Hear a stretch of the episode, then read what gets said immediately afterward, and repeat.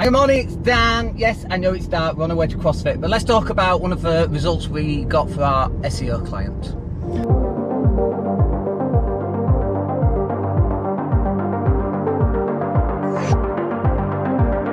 Hey, it's Dan, hope you're well. So, we signed up an SEO client uh, just two weeks ago, and we've been doing quite a lot of work on their website because um, obviously we want to impress them.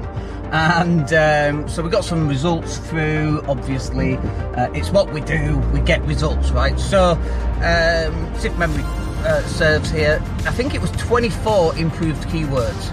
Um, and out of those, you know, some of them moved up just a few places and then some of them moved up um, quite a lot of places, 93 places in fact, because um, hovering around the 100 mark.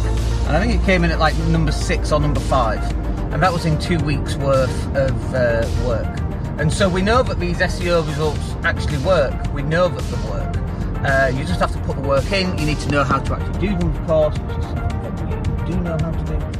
And um, also, you need to know what keywords you want to rank for, because a lot of people they're like, well, I don't really know. Maybe this one, maybe a different one. I don't know what are the keywords. Um, I don't know what people type into Google to find our business. Remember, come up with their business name, and it's like, well, if people don't know you exist, they're not going to be typing in your business name, are they?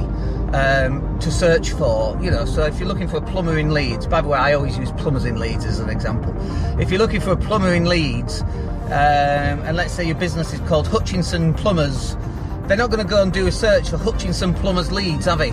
Because they probably already know who you are. In fact, they're probably going to do um, uh, a keyword like 24 hour emergency plumber Leeds. And so understanding the context of what those keywords are is also really, really important. Because if you don't know what those keywords are, how can you rank for them? And the context of those keywords and the synonyms of those keywords. So, um, synonym, for example, on 24 hour emergency plumber might be uh, 24 hour call out plumber. Or is it a different word? 24 hour fix a leaky tap, Leeds, LS12. So you've got all these different um, variations of a keyword that you want to be ranking for as well as the main keyword. And we call those long tail keywords. So, you know, how do I fix a leaky tap in LS12 Leeds? Might be a long tail keyword. Probably not a very good one. People are probably not going to be able to type that. Um, but you still want to rank for it. Why not?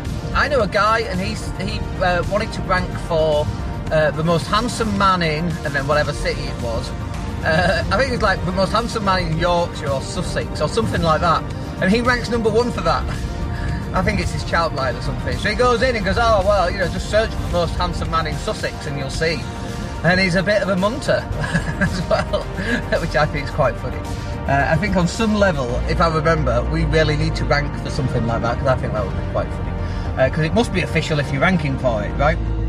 Anyway, so we're very proud of those SEO results and um, everyone should be proud of those results. It's not an easy thing to do by any stretch of imagination, and lots of people try, and lots of people fail, and lots of people get it very wrong, and their website ends up getting penalised as well, which is obviously not what you want. Anyway, at CrossFit, but I hope you find that useful, and we'll catch up with you on the next video. My name's Dan Latto. Have a wicked day. Speak soon. Take care.